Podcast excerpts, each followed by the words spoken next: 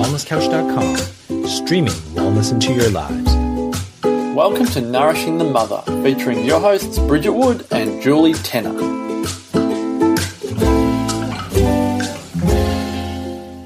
Hello and welcome to Nourishing the Mother. I'm Julie Tenner. And I'm Bridget Wood.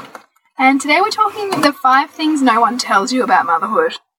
Because there is so much stuff that comes up for us as mothers and women in the motherhood role mm. that I just feel like no one really talks about properly. You know, they might get kind of the cursory, you know, like reference to it, but you don't really get the depth of it and the pain of it in some cases until you're really living it. Or alternatively, until you're on the other side of it and then and it's safe back. or brave enough for you to talk about it then. Yeah. Whereas often when we're in it, it's it feels um, there's a lot of shame around it. I mm. think it feels too mm. much like we're not coping, that it's not safe to share, or yeah, that, or that too you know, or yeah, or that it, other people are worse off. Mm. So yeah, what's yes. the point? So you yeah. kind of dismiss it. Yeah, or you think, okay, well, at least you know how dare I, you know, complain about this? You know, so and so would love to have a child. Look at that poor family; they've got, you know, an mm. ill child, and, yeah. and, and somehow it makes what you're feeling or thinking invalid. Yes, which then isolates you further into the feelings that you're feeling around all the stuff we're about to dive into. Yeah. So maybe let's just um, hit them with the five words, Bridget. Yes. So the five words are these five things: isolation, mm. infatuation mm. with your child, loathing body hate, and identity. Mm. Big, meaty topics. And so we're going to kick it off with isolation. Okay. Let's kick it off with isolation. What's your isolation story? My isolation story is oh my god, like the first six to eight weeks, certainly with my son, was like, felt actually like the walls were physically closing in mm. in that room. You know, and feeling like your bum is stuck in the couch and you can't get up because you're feeding this baby so much and you're covered in breast milk your husband doesn't understand, they can't begin to understand what you're going through, you have this all encompassing responsibility all of a sudden of this other human for 24 hours a day with no break. And even though you've got this human there, which is effectively yes, another person, it is incredibly isolating. I remember, I don't know about you, but I remember willing the six weeks to come up so I could connect with the mother's group because I just felt like I so needed a tribe because I was so alone. But you know, I know now I wasn't, but that was the feeling that I had, that incredible sense of responsibility and an isolation in that responsibility. What, what about you? Oh, I just so sit with that. Yeah, God, and particularly the first time. First yeah. time for me. Oh, I think time. the isolation's gotten less and less because I've worked out what I need to not feel trapped in that. Yes. Um, so third time I didn't feel isolated at all, but first time I definitely did. And that's what I really think potentially I had postnatal depression. I think mm. I was in mm. such an isolated hole where none of my kids, none of my kids, it's so funny, none of my friends had kids. Mm. And so I was the first one. So everyone was working full time uh, we were living in St Kilda at the time, which, if you're here in Melbourne, you know is, is a very transient. Um, it's an inner city suburb, and it's a very transient suburb. So the houses are tiny. Everyone's crammed and packed in. It's lots of um, single people demographic, lots of students, and any families that are there are generally full time working parents because that's how they afford to be in that yeah, suburb. Yeah. Uh, or they're transiently moving in and transiently moving out until they find the location that they're going to spend their life in. So it's really hard in in suburbs like that to make really deep, rich connections. Yeah, to put down roots, you really to put down roots. So yeah, everyone's moving, everyone's mm. no one's staying. Mm. So on top of that, so I had no friends with any kids. Uh, everyone's working full time, no one around me. I didn't have parents that were involved and um, I didn't have a, I didn't have a posse because I'd come from full time work, and all of a sudden I'm planted here with no, it was incredibly yeah, isolating. different values too. Because what I found was that even I, I had all these hopes pinned on this mother's group, but they had such different values to me that it actually reinforced my sense of isolation because I was like, these are not my peeps. Yeah, me too. Which yeah. which made it even harder. It did make it even harder. Mm. And I just, I so remember that feeling, particularly when I wasn't in a really intensively natural parenting. In the first like six weeks, six, eight weeks of my son's life, I was trying to figure it all out. And so you have everyone talking about putting them to sleep in the cot and blah, blah, blah, blah, blah, and settling and tapping them. And oh my God, the hours I would spend thinking this was the only way to have a child that slept for the rest of their life, the hours I would spend patting him and not making eye contact and walking in and out yes. of the fucking room or at the 45 minute sleep cycle, standing outside the door ready to pat him through it oh, because if he didn't sleep through a sleep cycle, he was never going to sleep properly again. like the stuff that yes. did, and I, that feeling of the walls caving in, mm. that for me was the crux of it because mm. I was, my, I felt in essence, I had, as a woman out in the world, had been reduced to being here, patting this child to sleep mm or listening to the crying because I think my son would cry mm. for hours a day. But and I was in that room by myself with yeah. You know, this was totally in my obsessive detachment phase where I felt like any cry from him was me not meeting his needs. Mm. You know, which obviously makes him cry more in hindsight. but then, I mean, gosh, like the, and the, that the yeah. cry, like listening to a cry of your baby when you're yeah. a new mother. Well, and beyond that, right? Because if you have no awareness of your inner child or what's yeah. coming up for you, I remember deeply feeling anger mm. and trying to fight my own inner battle of repressing it yeah, and okay. mentally going in safe. my head it's not okay it's not mm. safe i shouldn't be doing this i shouldn't be feeling this not not understanding it i felt like i was fighting a beast in the moment i'm trying to be present to my child and that whole overwhelm just went to town because you're stuck. And I used to literally, what the one thing I remember harping on when I had my second child to anyone who would listen who had a baby was, if they're not going to sleep in the first 20 minutes, get the fuck out of the house. Yeah. because that was where I was at. I yeah. was, I realized the way to save my sanity was to not think this was it. Yeah. Yeah and that I had to be isolated. If I could get out of the house, it didn't matter if they were in a sling or a pram or whatever. If I could get out, if I could walk in nature, if I could walk around the park, if I could move in my body, if I could say hi to another human being, yeah. it completely changed my mental space. Mm. Yeah, I was exactly the same. And in fact, I, I would spend whole days out, you know, and my son just learned to have every sleep in a sling because I simply couldn't be in the house. And I also think I had PND. I think probably most new mothers to some degree have that experience because it's so enormous. Because it's such a massive life transition, yeah. and there is so much bullshit one-sided stuff around what it's like to be a mother. You know, like we get so caught up in the mm. in the, the the gloss of it and the gloss of loving this newborn, which makes the parents who don't immediately bond or who don't have a sail through the experience makes them makes them feel even more isolated because they think there's something wrong with them. Mm. You know, and, then as you say, those feelings of darkness, mm. those feelings of anger yeah. are not okay. No. And there's nowhere to put them. And that puts such a strain on your relationship. Mm. Because, you know, those feelings are coming up. And if you're ignoring them or you're battling with them or maybe you've given in to them, mm. like that is really mentally and emotionally tough, tough stuff. Mm. And then trying to bring a person, another human into that and not wanting to feel judged and wanting to feel connection, wanting to be saved, mm. wanting help. And they're one, maybe you can't even say what's happened to them or how you're really feeling. Mm. And two, maybe they totally don't get it because they're not there. Yeah.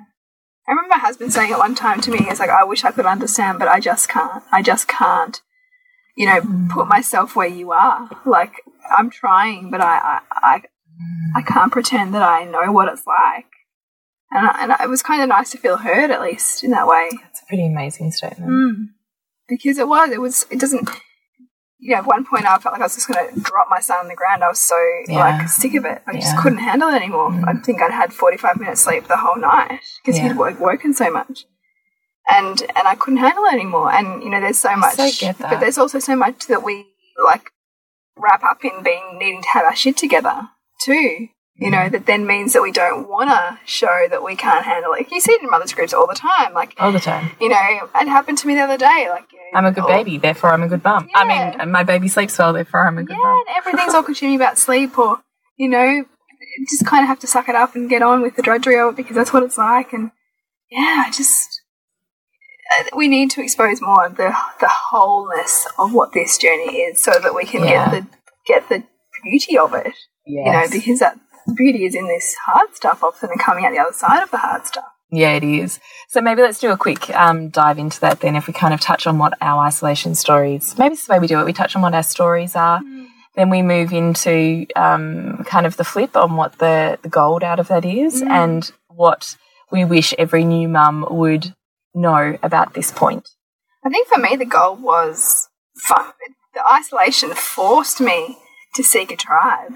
Mm. It forced me to because I was just so at my wits' end and needing to find other women to relate to who were on my wavelength. It really put me on the path to ultimately, I guess, meeting you and the group that we were in at that point. That was the gift of my isolation. And I think also, in some ways, we create the isolation because we create it, create the perception of it so that we can build our strength as mothers too. Mm. You know, build our sense of sense of self in that role and build our sense of self in terms of we can do it.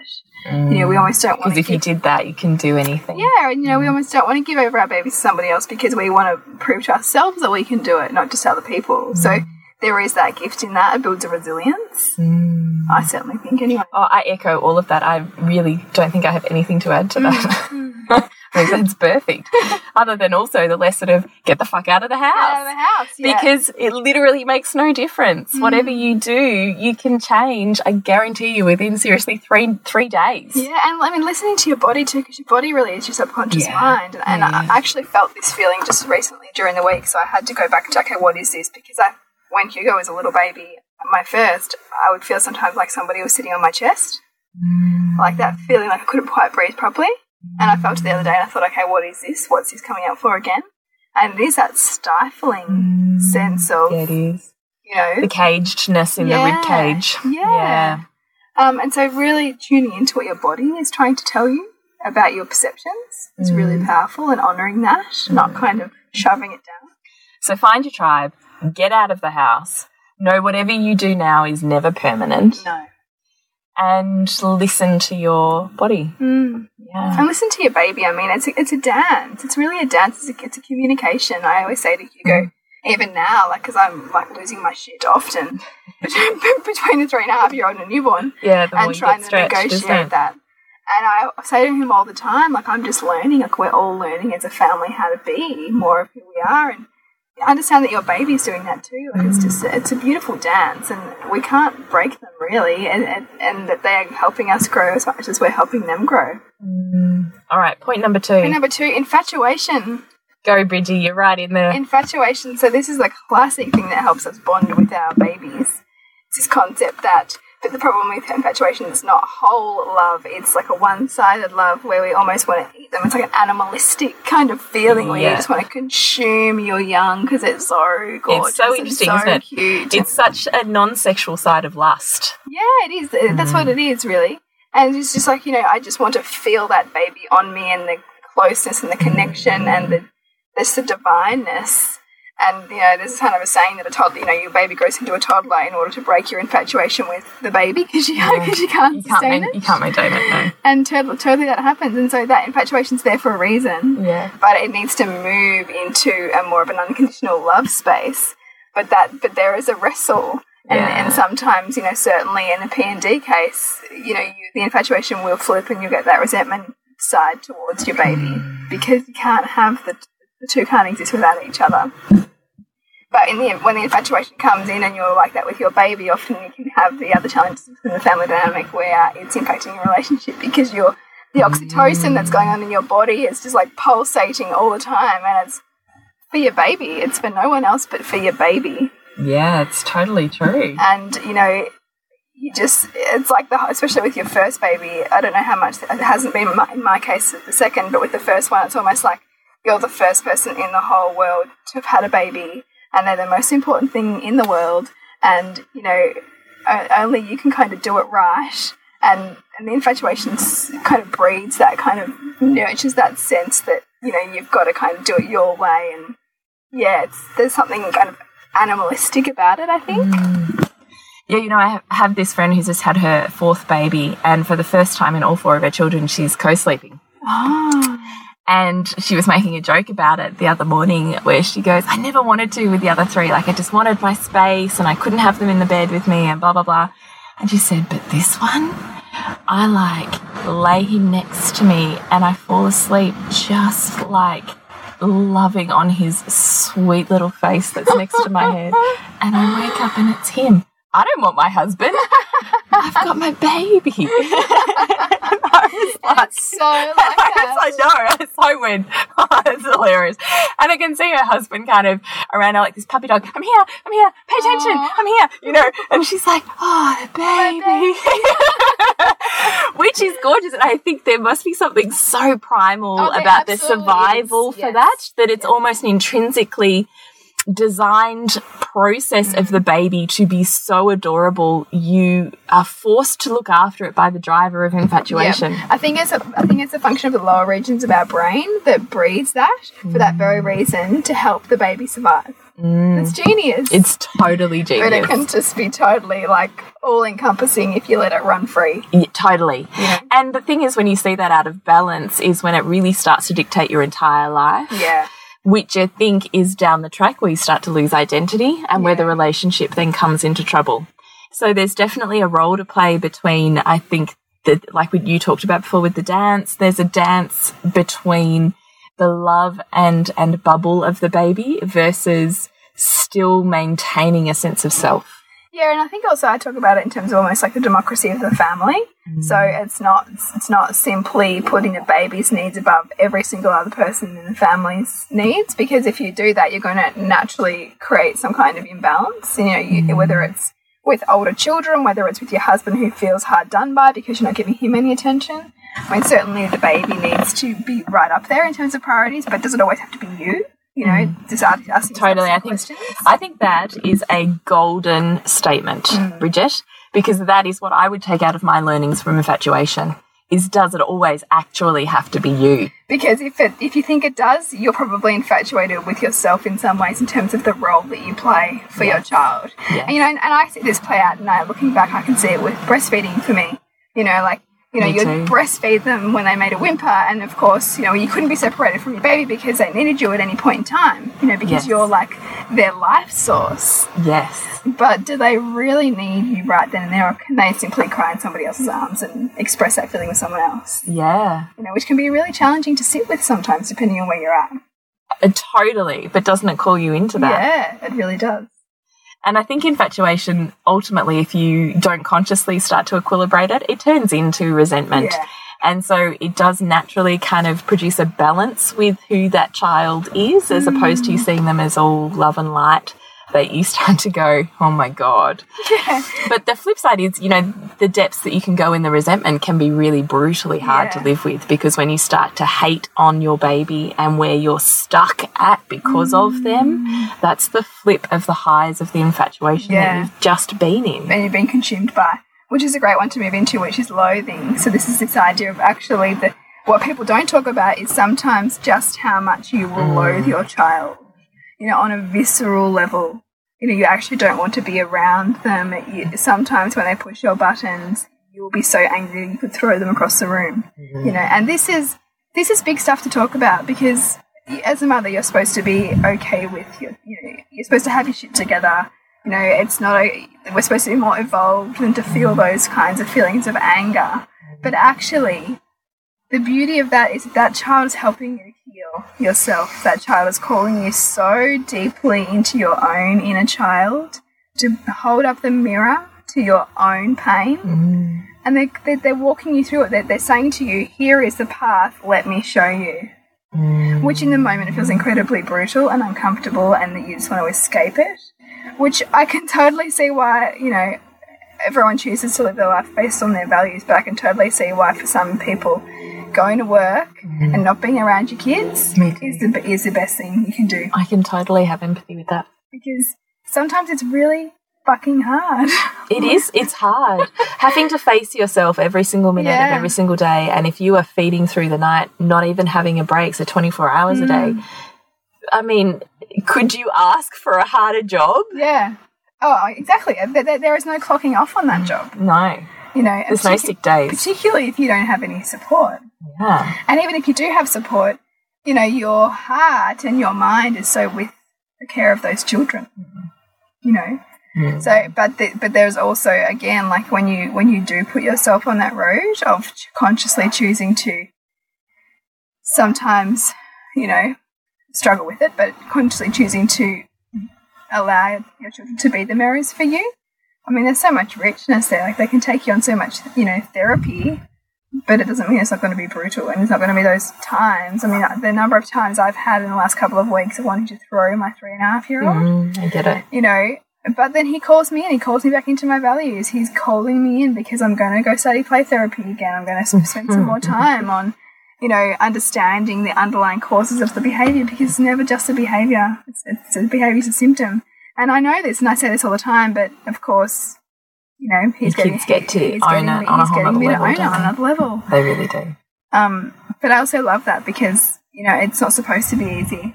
No, it isn't. And I think the difference is having a toolkit. Yes. So, you know, I can certainly associate those same feelings with each one of my children at different phases and for different reasons because each child represents a different evolution of you. Mm. But what I can pick up the difference of between losing it in overwhelm and feeling like I'm okay and can handle this is is a toolkit. Mm. It's literally the difference. It's amazing because you talk, the toolkit really represents kind of your beacon of light, isn't mm. it? Because it's it's when you're drowning with nowhere to go that you lose yourself. But when you have a toolkit where you know the way out, it, it, it, allows you to more easily welcome the obstacles or, or move through the obstacles and see them as challenges that you're willing to work through as opposed to challenges that you want to run from. Yes.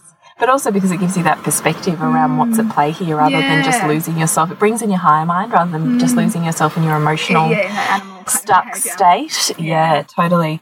So, I mean, we've got so many podcasts that touch on this topic. Mm. And certainly, if you are here, jump in our Loathing to Loving program, which I'm thinking is like next week, Yes. because seriously, this is the stuff that changed our lives. This is it. And I mean, people who've done that course are still talking about it, still talking about how some of the key concepts that we talk about in the toolkit that we give them has completely flipped their relationships, has, has allowed them to see. Because as soon as you can see, like take it, take the bird's eye view, because none of us can see the wood for our trees in our own stuff. As soon as you take the bird's eye view and you apply a toolkit and you've got a recipe to come back to and how to mm. workshop yourself through it, ah, like that's the life changing stuff, right? That's when overwhelm disappears and empowerment mm. steps up. Mm. That's what it is. it's massive, it's really massive. So next one. The next one is body hate. This is so big, isn't it? I mean, you're about to screen the Embrace movie Yeah, coming yeah, up. yeah, in November. Uh, and it just, I think the body image movement, you know, comes and goes in many different phases, but it is so true for women who have given birth because your body changes so immensely. And we hear this thrown around, but when you're living in that vessel, when you have, have set up an identity based on one vessel, and then within the space of a few hours, all of a sudden you're thrust into a completely different one, mm-hmm. and then you have to live in it, is really hard stuff. And, the, and our society really doesn't give any kind of credence to this, and there is no honouring of that transition. no. And particularly if you've had a challenging birth experience, which for many, many, many women is the story of their first birth, you sometimes don't even know your body anymore or distrust your body or have a sense mm. of, you know, so many layers of belief that can sit there and in there. And then on mm. top of that, you're still trying to figure out the identity of the person you were versus who you're now becoming mm. and the body that matches that, right? Mm. And, you know, maybe, look, for me, it was I made the choice to not wear bikinis again because I have stretch marks all over my tummy. And I have a tattoo, which ladies, do not put a tattoo on your stomach. Everyone told me when I got it done I've when I was like, this. I have you not? it. No. Oh man, I'll show you. I'm wearing it as a badge of pride now because I show any girl ever who ever wants to get getting a tattoo, and I'm never getting it covered over for that reason. But you know, I got it done when I was 17, and I thought it was the, the bee's knees, and I remember is, every it, is it single. a dolphin? No, it is a hummingbird. But who would know what it is, Bridget? You can, it's basically like reading clouds. You can look at it and make anything out of it now. I only asked because dolphins were kind of big back yeah, they in were. the 90s, you they know? totally were, but they know. No, I went for a hummingbird, but like my kids sit there sometimes at night and be like hanging out on the bed or whatever, and they're trying to pick what it is now. like it's, it's, it's almost turned into a cloud, like cloud watching game. it. But this whole thing of, uh, right, and particularly if your identity's been based on how you look, Yeah. can be incredibly hard to have, um, or you have such enormous breasts that they don't fit anything. you're trying to breastfeed and you have no clothes that you can do that and maintain some dignity mm. in. So all of a sudden you're down from a wardrobe to like five items mm. that you can wear um, you know, a belly that hasn't gone back together and the way that you thought it would, a shape that's changed, things that sag and move. And then there's the post breastfeeding kind of thing with your boobs. And there's so much that goes on. And I think also how much you then project those things onto your partner and perceive yes. that they don't find you attractive anymore. Which and I use the word perceive because yes, I think we choose to perceive what we need to perceive to support our values. Which, if you're valuing yourself as hating your body, then you're going to look for evidence of that. Yes. And that is so much what I reckon plays out in relationships in terms of because so many of our partners don't really care, you know, like they no. love us. Well, they see beyond that, right? Yeah. So we're attuned to to see the damage and they're attuned to see the magnificence. Yes. So you're looking at yourself from a completely different filter. Mm.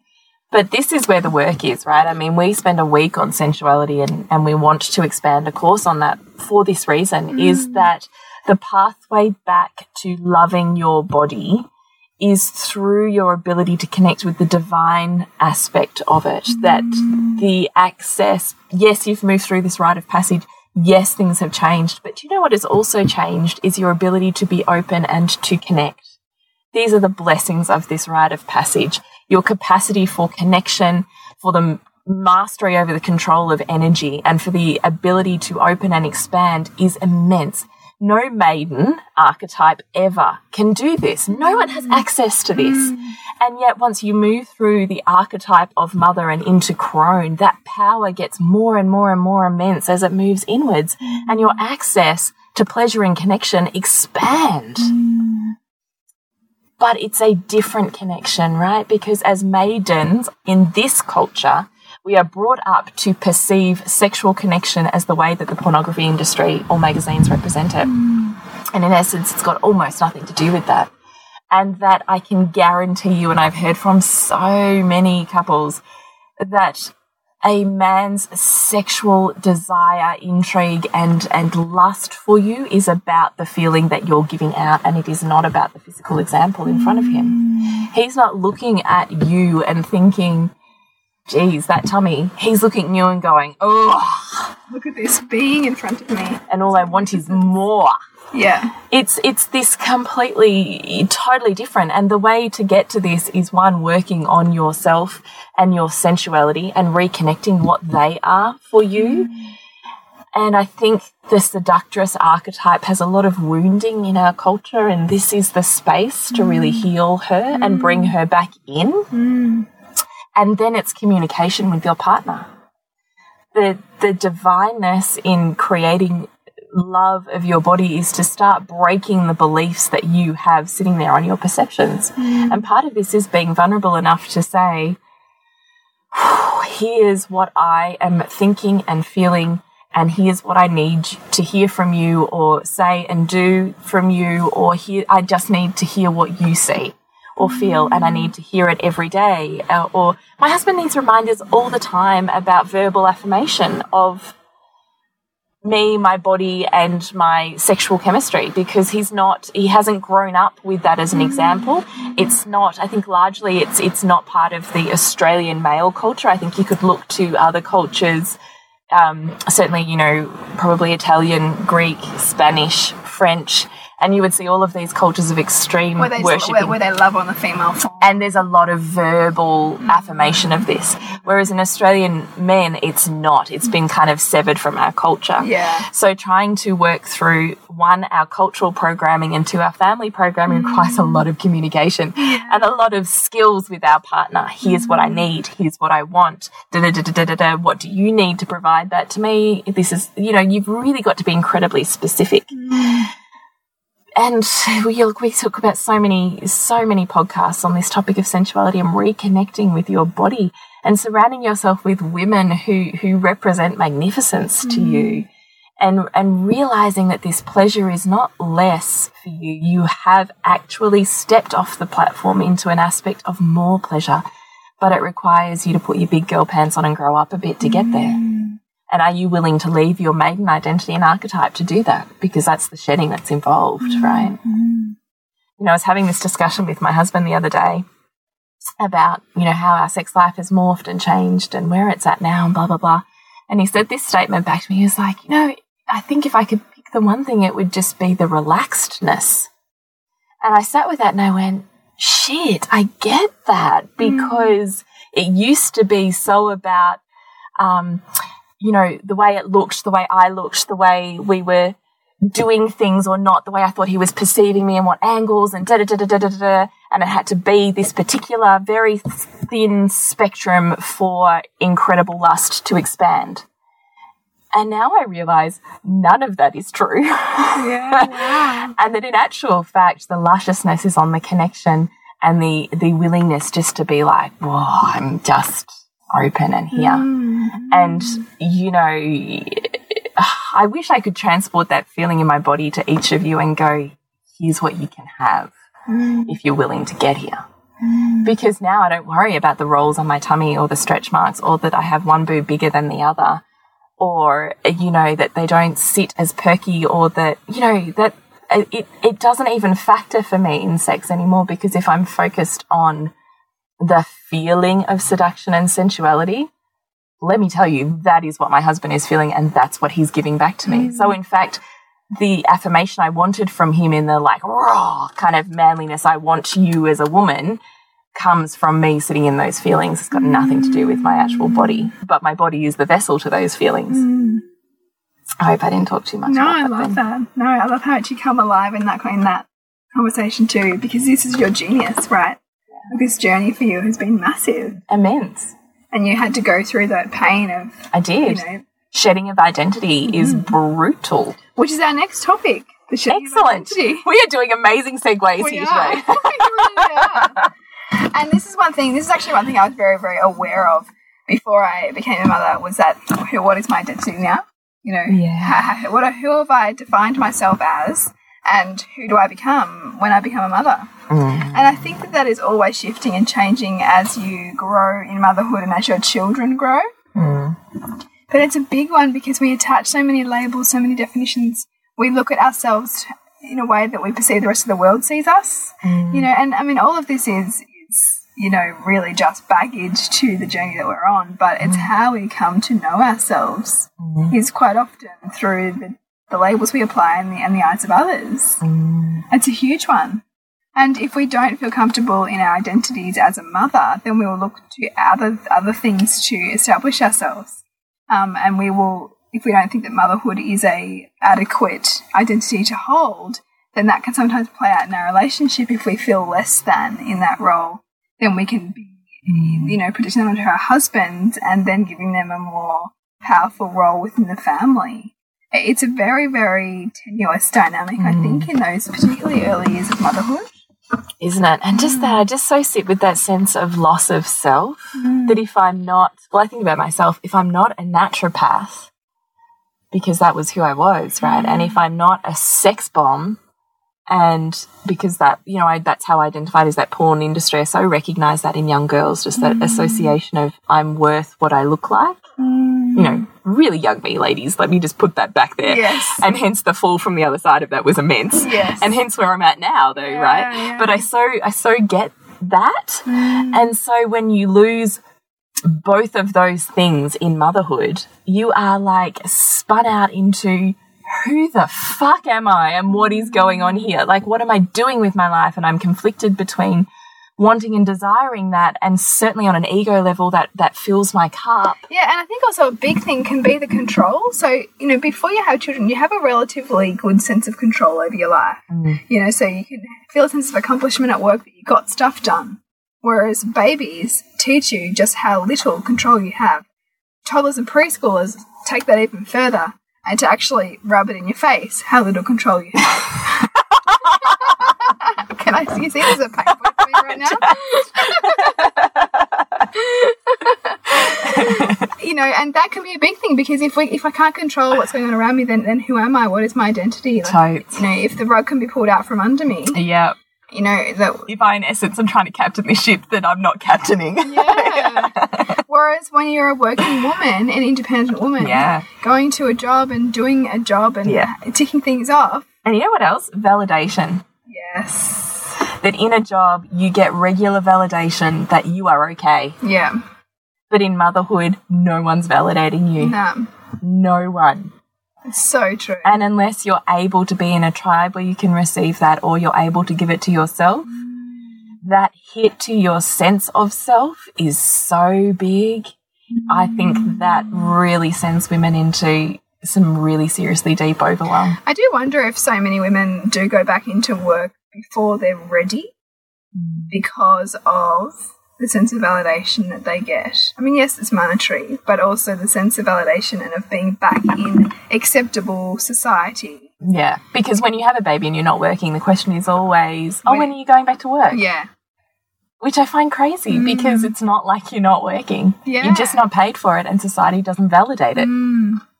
It's a freaking brutal job, motherhood. Yeah. I mean, it's amazing, but it's bloody brutal too. You are tearing yourself apart every day trying to just function. Mm. And I think when you choose a path, and so many of our listeners are choosing that path of trying to con- parent consciously, it is even more brutal mm. because you are, you know, rather than simply labeling your child and, you know, saying that's just how they are, you're actually trying to ask yourself, what is my child revealing to me? Which is, you know, as we've outlined in this podcast, bloody painful at times, it is. but beautiful.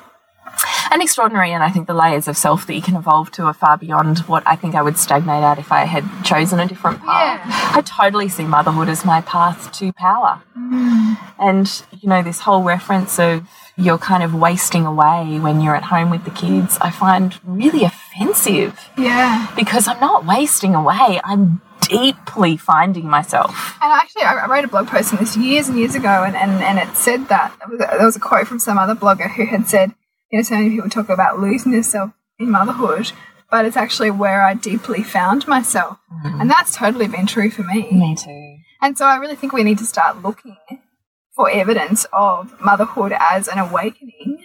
Mm-hmm. Not motherhood as drudgery or motherhood as something that you just do because you can't get a job or, or you know, for all mm-hmm. these other kind of reasons that we that we conform to as a society.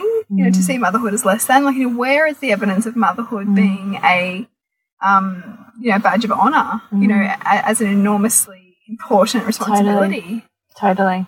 for society, for the world, and for ourselves. And yet, I bet if you asked, particularly primary school teachers, I bet you they would be the ones that have reverence for motherhood. Mm. They'll be the ones validating. Yeah, I wonder yeah, I do. because they see a lot. Mm. yeah, and they and they see so many family dynamics at play, Yeah. and how that plays out in the child. Yeah.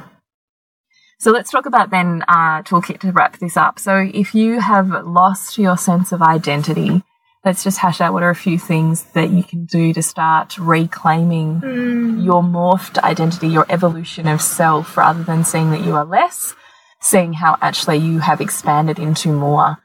Um, but it requires letting go, I think, of beliefs that are holding you back and that you're being called into shed because this is the transition from maiden to mother. Mm. Archetypally, we're asked to shed that that no longer serves us.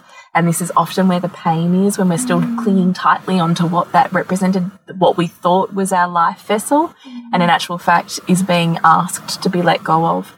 So I think recognizing the beliefs that hold you back and having a toolkit to shed those, I think really serves with identity. Yeah, and I mean, recognizing the beliefs, you can break that apart into a number of different things, which is what we do in the course, which is really understanding the language that you use with yourself and with others, um, understanding what the brain noise is for you. So, mm. kind of who are you comparing yourself to? values, really, And isn't values. it? Because your values might shift and change, mm-hmm. and also knowing what is absolutely most important to you in your life allows you to align your life to those mm. things rather than feeling like you are torn and unhappy and overwhelmed and stretched too many ways because you're trying to live out mum's values, husband's values, mm. society's values, rather than what is absolutely true and genius for you. Mm.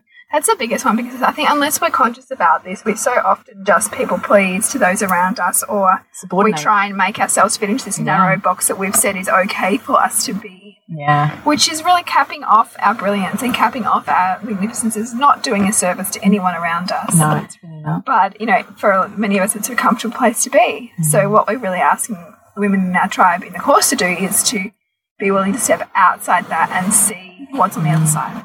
And I would say point number three would be find your tribe and Yeah. love on them hard. Yeah. Because finding your tribe of women that speak your lingo, that perceive the world the way that you do, that are willing to show up and hold your space in the way that you are needing and, and should be honored to have, that they are the friendships that change your life and they are the friendships you evolve and grow into. So find those women mm. Love them. hard. Mm. Yes. So, big one this week. If you would like to connect with us and perhaps join our program, which is just about to start, hop on to nourishingthemother.com.au forward slash online programs. And if you would like to hop on our Facebook page and tell us what you think of the podcast this week or give us some ideas for what we can tackle, Yeah, love we'd to hear really love you. that. We really love that communication and seeing what's happening in your world and, Yeah. and even how different topics are resonating for you because we'd love to do more of what you love and less of what you don't. That's it. That's exactly right. So you, you, we, we are here um, to serve you. So please guide us. and to connect with you, Bridge, Suburbansandcastles.com and you. thepleasurenutritionist.com. And we will see you next week when we continue to peel back the layers on your mothering journey. This has been a production of TheWellnessCouch.com. Check us out on Facebook and join in the conversation on Facebook.com forward slash The Wellness Couch. Subscribe to each show on iTunes and check us out on Twitter. The Wellness Couch, streaming wellness into your lives. Whilst the Wellness Couch presenter endeavor to provide accurate and helpful information to their listeners, these podcasts cannot take into account individual circumstances and are not intended to be a substitute for health and medical advice from a qualified health professional. You should always seek the advice of a qualified health professional before acting on any of the information provided by any of the Wellness Couch podcasts.